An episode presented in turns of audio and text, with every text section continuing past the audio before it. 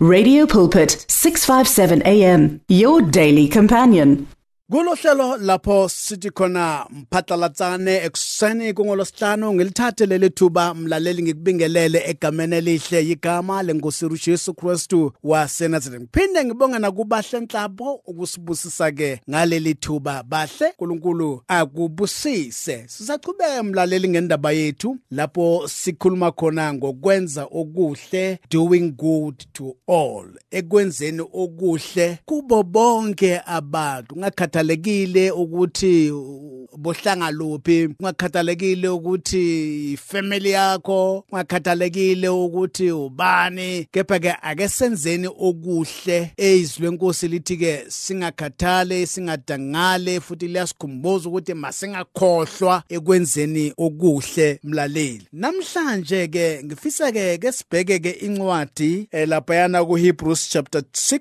sifunde lapha yana ke ku verse 10 sizwe ukuthi ke izwi likaNkuluNkulu lithini ngalabo abenza okuhle mlaleli? Abanye bethu asakwazi okuhle. Sesibhukuda nje phakathi kokubi ukuthi into enhle enjani asisayazi. Siyazi uma yenziwa kithina bese sithi we deserve. Kepha ke singakwazi ukwenza kwabanye okuhle. Let's read emlalela ke sifunde maHebheru chapter 6 verse 10 ngokuba uNkulunkulu kasiye ongalungile ukuba akhohlwe umsebenzi weni nothando enalubonakalisa ngakulo igama lakhe.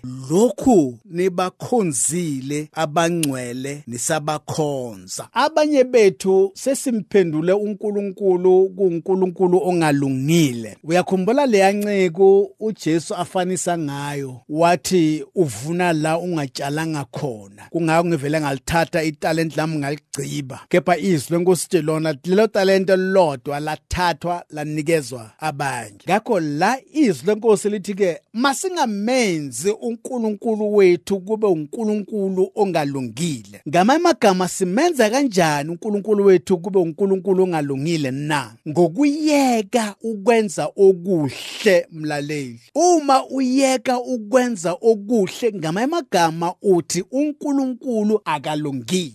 Ngakho ke wena uvela uyayeka ekwenzeni okuhle. Manje la izwi lenkosi ithi ke ngokuba uNkulunkulu kasiye ongalungile ukuba akhohlwe umsebenzi wenu enalubonakalisa ngakulo igama lakhe. Lokhu nibakhonzile abangcwele nisabakhonza. Mlaleli uma senza okuhle sihlonipha igama likaNkulunkulu. Uma senza okuhle kubo bonke mlaleli ngamagama siyamthobela uNkulunkulu. Uma senza okuhle mlaleli egameni likaNkulunkulu okuchaza khona ukuthi senza okuya ngezwi likaNkulunkulu. Uma senza okuhle mlaleli ngamagama sichaza ukuthi ke uNkulunkulu ulungile. Uke wazi sometimes masime enkonzweni god is good god is good. Kepha ke thina asibonisi ukuthi uNkulunkulu ulungile ngenxa ukuthi ke sesiyeke ukwenza okuhle mlaleli. Ngoba izwi lenkosi ithi ke asenze okuhle kubo bonke mlaleli. Hayi enganeni zakho kwaphela hayi kufamily yakho kwaphela hayi ehlotsheni zakho kwaphela hayi kuhlanga lwakho kwaphela. Kepha izwi lenkosi ithi ke senze okuhle kubo bonke. Bese izwi lenkosi lalithi ke uNkulunkulu kasiye ongalungile ukuba akhohlwe mlaleli umsebenzi owenzile. Ngamagama uma sesiyeka ukwenza okuhle sesichaza ukuthi uNkulunkulu uyakhohlwa uma siyeka ukwenza okuhle ngamagama sichaza ukuthi uNkulunkulu mumbi akalungile. Kepha ke uma senza okuhle kubo bonke sichaza ukuthi uNkulunkulu ulungile. Uma senza okuhle kubo bonke sichaza ukuthi uNkulunkulu akakhohlwa imisebenzi yethu. Hayi ukuze thina siyiveze manje. Uyazi ningibona ukuthi ngenza okuhle? Ningibona ukuthi ngenza okuhle? Kumele ningibonge bazalwane?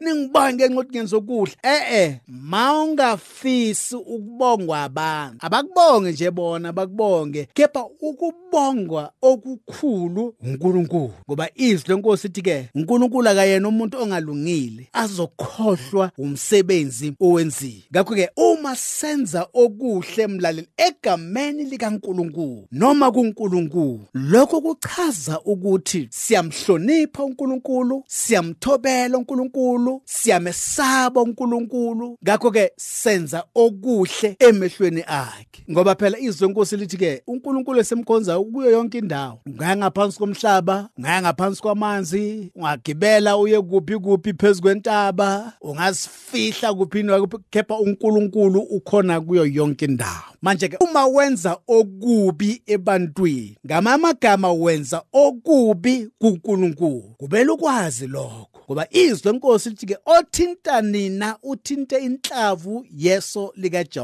Jehova ngakho ke ungakhohlwa ukuthi uma uthinta uJehova ayikho inyanga ezokwazi ukukukhulula olakeni luka Jehova uma uthinte uJehova asikho sangoma akakho umprofeti akakho umprofeti akakho umlaleli umuntu ozokukhulula esandleni sika Jehova uzokhulula kuphela uma wenza okuhle emehlweni kaJehova. Uma uphenduka ekwenzeni okubi uzisola futhi. Uyakhumbula kunezwi elithi ke uma senza izinto senzela abantu. Masingakuthathi ukuthi senzela abantu. Keba masikuthathe ukuthi senzela uNkulunkulu mlaleli. Konke sikwenzayo ebantwini masithi senzela uNkulunkulu. Ngoba inkinga yeba sekutheni uma ungabheka ngalelo so lokuthi ke ngenzela umuntu umuntu akabongi. Uma ungabheka ngalelo so lokuthi ke ngenzela umuntu umuntu akaneliswa mlaleli. Ekugcineni sizokubona suyekela phansi. Kepha ke manje uma wenza okuhle uphana wenza konke okuhle okufanelekile bese uthi ke ngikwenza lokho egameni lenkosi yethu Jesu Kristu. Anginandaba ukuthi abantu bathini. Abaye baze bathi ha ha eh eh wena ukwenza lokho uthanda uNkulunkulu ukwenza ngothando lukaNkulunkulu ukwenza ngothando lwenkosi yethu Jesu Kristu ukwenza ngothando umlaleli ngenxa ukuthi ke uyazwisisa lokho okwenzayo.